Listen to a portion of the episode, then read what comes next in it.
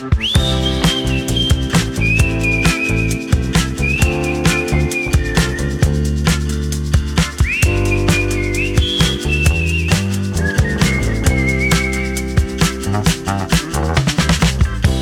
dia, Sílvia. Bon dia, Andreu, com estàs?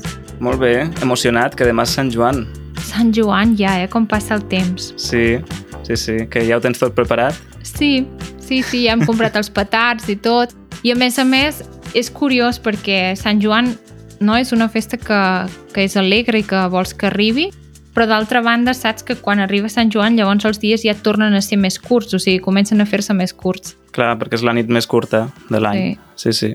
I ja, i ja dic, oi, Hmm. ara ja tornem enrere. Sí. Bé, de fet, avui no parlarem de Sant Joan perquè ja vam dedicar-hi un episodi. Recordem que és l'episodi 35 i que és aquell mateix episodi en què la transcripció i tots els avantatges estan disponibles gratuïtament. Per tant, si voleu provar l'ajuda de vocabulari, la transcripció interactiva i llegir tota la transcripció, vaja, doncs entreu a easycatalan.fm barra 35, revisiteu aquest episodi per recordar com és Sant Joan, com el celebrem, què fem, què mengem, etc etc i podreu provar també els avantatges. I si us agraden i voleu tenir-los per a la resta d'episodis, doncs recordeu que us podeu fer membres de la comunitat i donar-nos suport a través d'easycatalan.org barra membership.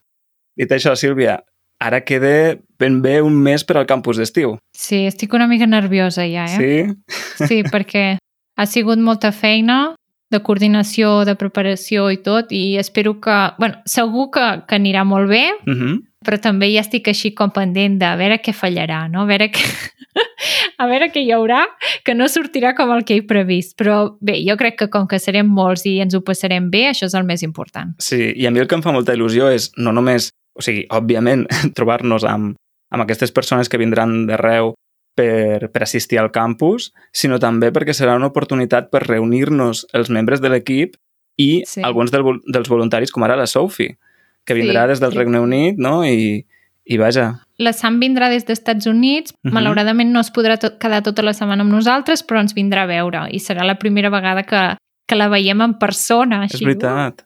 Sí, sí, per això que aquestes oportunitats, clar, el projecte és un projecte digital i estem tots doncs, des de la distància no? comunicant-nos per les plataformes i això, i aquest campus és una, no sé, una oportunitat de les poques que hi ha per trobar-nos, no? Sí, I per veure'ns doncs, també amb els voluntaris. I això em porta a voler fer una abraçada avui. L'abraçada. Volíem fer una abraçada des d'aquí a totes les persones com la Sophie, o la Sam, o el Jack, o el Matthew, o aquestes persones que s'han sumat a l'equip com a voluntaris en algun moment o altre, han aportat el seu gra de sorra o, o tot, tot un carretó de sorra, perquè n'hi ha que, que déu nhi que aporten molt i que sense, sense aquestes persones el projecte no hauria tirat endavant. O sigui, és imprescindible la, la vostra col·laboració. De fet, el projecte va començar així, encara ho som en bona part els integrants de l'equip. I això, doncs, volíem enviar una abraçada ben forta a tots els voluntaris. Oi que sí, Sílvia? una abraçada super forta perquè crec que és, un, és una feina, és una tasca que estem fent tots Mhm. voluntàriament molt important i no sé, crec que crec que fer-ho voluntàriament no només enriqueix el projecte, sinó que també fa que, que estiguem molt més units i enllaçats entre nosaltres. Exacte. I parlant de voluntaris i trobant-nos ja a final de mes, avui hem volgut convidar una altra persona d'aquestes que porten el seu gra de sorra eh, mes rere mes o setmana rere setmana, pràcticament, en aquest cas des d'Escòcia. Parlem del RIS. Hola, RIS. Ai, Hola. Riz, hola!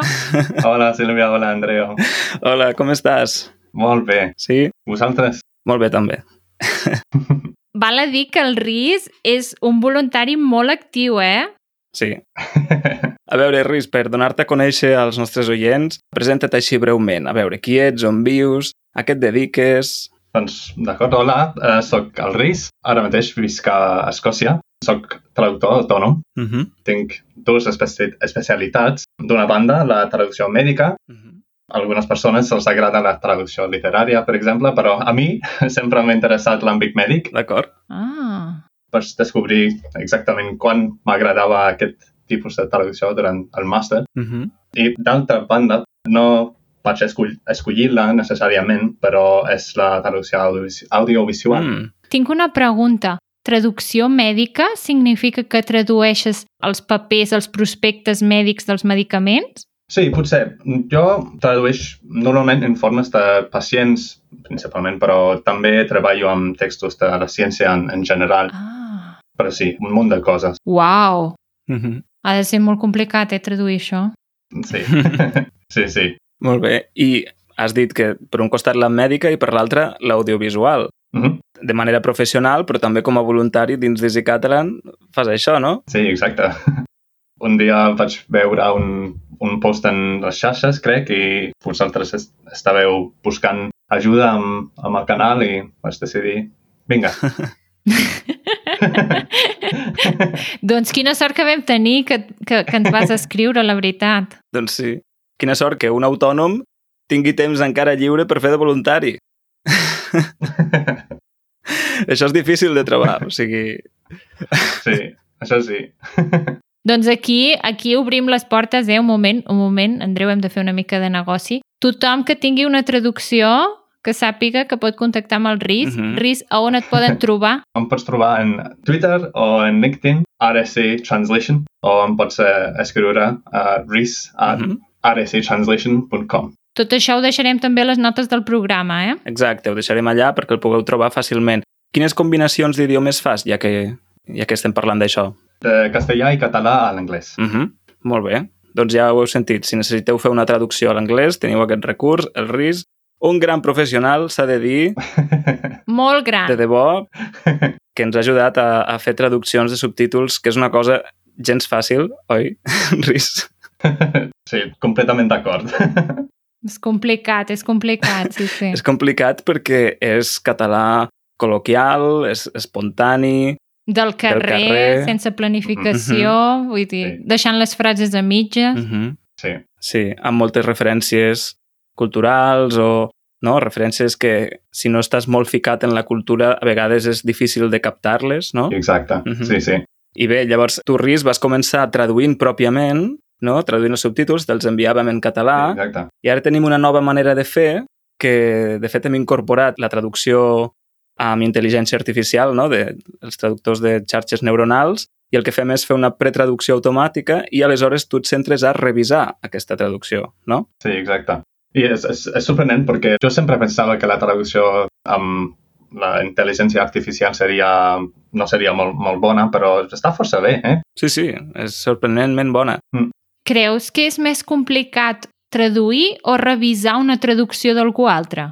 Mm, jo diria que depèn, perquè quan estàs traduint, clar, tens el text eh, original que pots mirar i veure, no sé, el, el sintaxi i tot això, però quan estàs revisant una cosa que alguna altra persona ha traduït o fins i tot un Google Translate o alguna cosa així, Uh -huh. a vegades no tens el context original i és, pot ser més difícil revisar. Uh -huh. Ah, Sí. ho entenc. Clar, a més, al revisar, ets l'última persona, pràcticament, no?, que, que donarà per bo aquell text, aquella traducció, i per tant, t'has d'assegurar, és un control de qualitat, no? T'has d'assegurar que tot estigui bé fins al més mínim detall.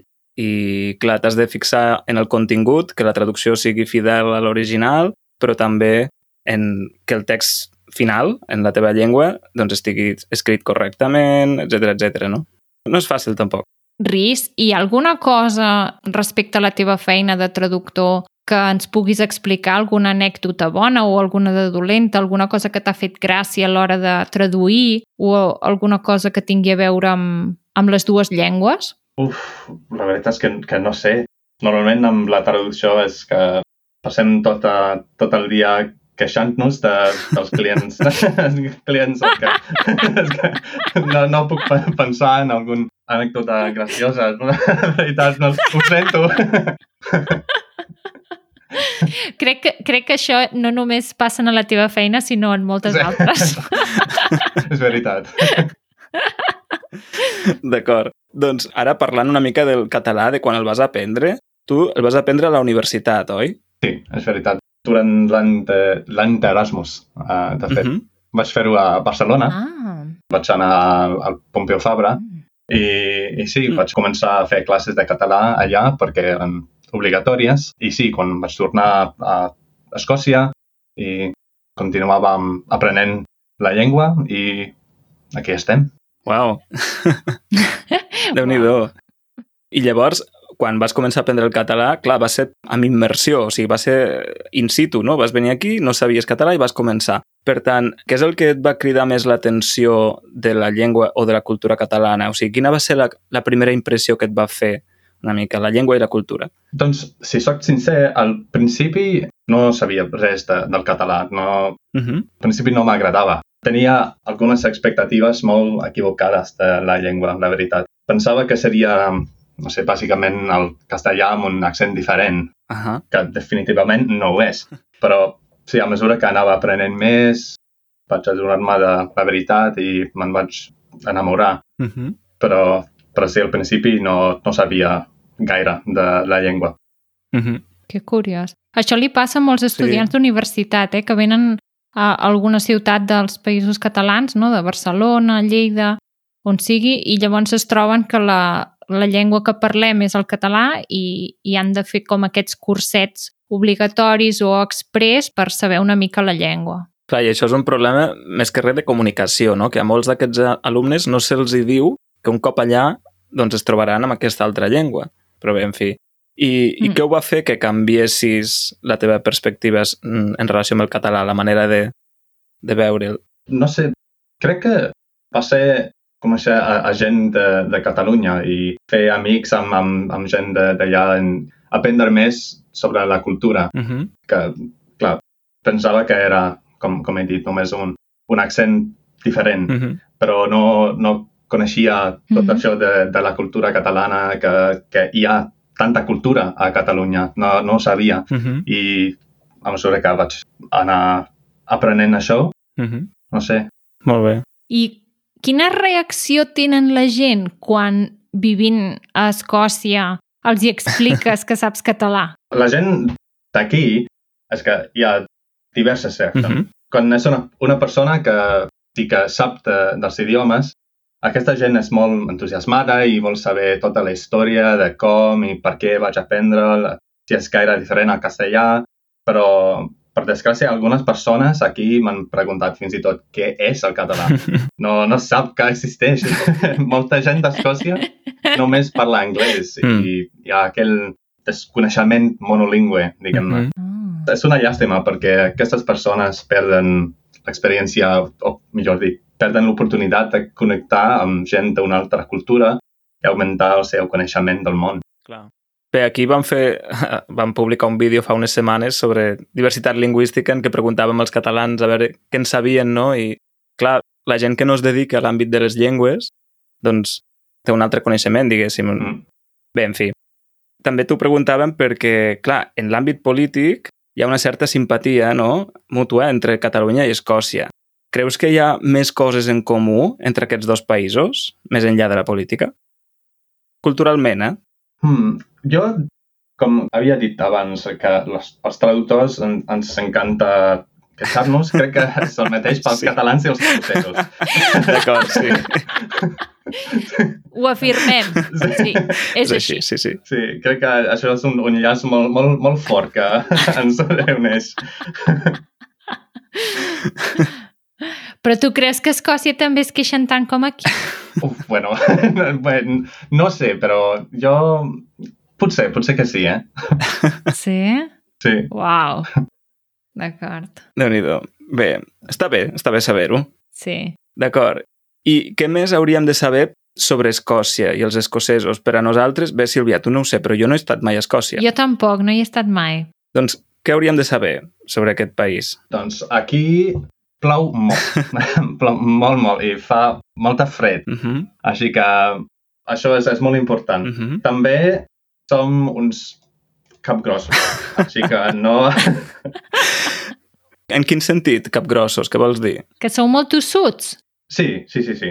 Que Mhm. si volem fer alguna cosa, ho, ho farem. Si volem... Ah, No sé, és que no pots dir-nos que no, bàsicament. Mhm. ah D'acord, doncs això també ho tenim en comú. Doncs sí, és veritat, nosaltres també som molt així, som molt persistents, no? Uh -huh. Mm, exacte. Ah. I una cosa, quan has dit que plou molt, Uh -huh. plou molt, però quin tipus de pluja? Perquè plou així a bots i a barrals, o sigui, moltíssim, mm, o plou així com fent una xim-xim, així sense gaire res? Doncs aquí és com una mica, però molt sovint. Així que com cada dia plou, però no, no molt intensa, no, no és molt intens. D'acord. Com, com a, a Catalunya. A Catalunya és com plou un dia... Sí, aquí Uh -huh. quan plou potser cauen 15 litres, no? I allà potser Sí, exacte. és un litre, però va fent així com molt poc. Ah, Sí. D'acord. D'acord. I quina és la millor època per anar a visitar Escòcia? Mm, jo diria a principi de maig Uh -huh. o potser en, en setembre, Ah, mira. perquè, D'acord. perquè en, en aquesta època de, de l'any no, no plou tant com, com normal Uh -huh. i a vegades fins i tot fa calor o, o no sé, és, és un clima una mica més agradable. Ah, Ahà. O sigui, vols dir que plou menys Sí. al maig o al setembre que durant l'estiu? Sí. Ah, doncs això és molt interessant, perquè aquí, per exemple, al maig plou molt, o sigui, normalment, no sempre, no? Mm. Però al maig... uh -huh. Ah, veus? sí, sí. Molt bé, doncs mira, ho tindré en compte, perquè vull fer un viatge a Escòcia, encara no sé quan, però va bé saber això. Abans, entre bambolines, hem comentat que hi ha un podcast en català sobre Escòcia. Ah, sí? Sí, que jo l'he escoltat tot, em va agradar molt. L'han fet dos germans, un que viu allà i l'altre que vi- viu aquí, i, i són episodis molt curts en què doncs, tracten aspectes culturals d'Escòcia o del territori, no? de, les, de les diferents parts, de les Highlands, del llac Ness, de no sé què. I està molt bé. Eh, Jo us el recomano si també us interessa o teniu plans d'anar a Escòcia algun dia, a visitar Mhm. el Ris o el que sigui, doncs es diu Buscant en Nessie. Ah, buscant en Nessie, molt bo, no, el títol? Sí, sí, Sí. sí, està molt bé.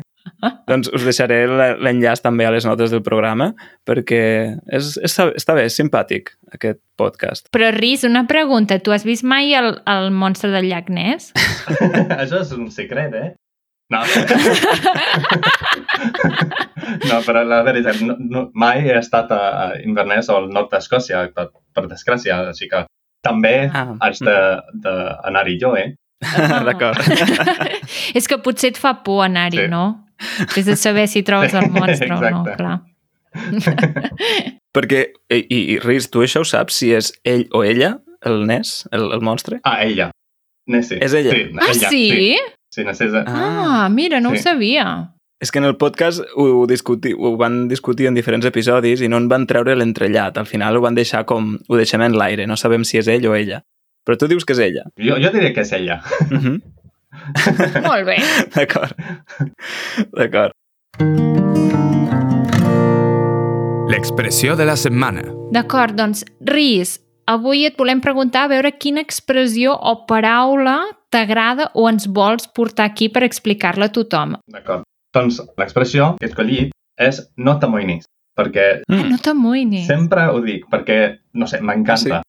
Perquè em, em, em sembla, no sé, super, una expressió supercatalana. No és com el, el, el castellà, no és com alguna cosa de l'anglès, és, és una expressió catalana, així que no t'amoïnis. No t'amoïnis. I en quin context ho fas servir? Bof, jo ho faig servir per tot. Cada oportunitat que tinc per, per dir-ho, ho, ho, ho dic. Si un, un amic està, no sé, amoïnat per alguna cosa, no t'amoïnis, no t'amoïnis. Cap problema. Uh -huh.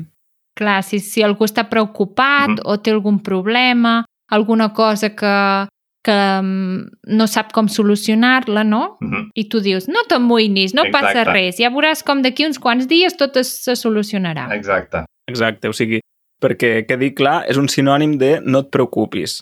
Però, però clar, és com més, més genuí, no? Mm. Sona més... No t'amoïnis. El verb amoïnar-se. També pots, es pot uti- utilitzar com a infinitiu, no? Sí. Sí, O d'altres maneres. No t'amoïnis. Ah, molt bé. molt bé. Mira, jo aquest, aquest no el faig servir, però és un bon verb. Jo sí, jo sí que el faig servir. Alguna altra paraula que te- que t'agradi, especialment en català? Pessigolles. Ah, Crec que és- pessigolles. pessigolles. és, és una paraula molt graciosa per mi. M'encanta. Però et fa gràcia la paraula, o sigui, com sona? Sí, és com sona, no sé, la, la, ella, aquest so és, és molt, no sé, és, Pessigolles. m'agrada dir-ho. Pessigolles. Què són les pessigolles? Expliquem-ho. Uf, això és... Um, no sé explicar-ho sense dir pessigolles. Um, quan, quan algú et fa riure, no sé, està... No sé, no sé com explicar-ho. Per exemple, um, la meva neboda, quan està una mica així enfadada, jo vaig, m'hi acosto per darrere i li faig com unes carícies amb els meus dits a la panxa, que són les pessigolles, i llavors ella fa ha, ha, ha, ha, ha, ha. Sí, exacte, això és.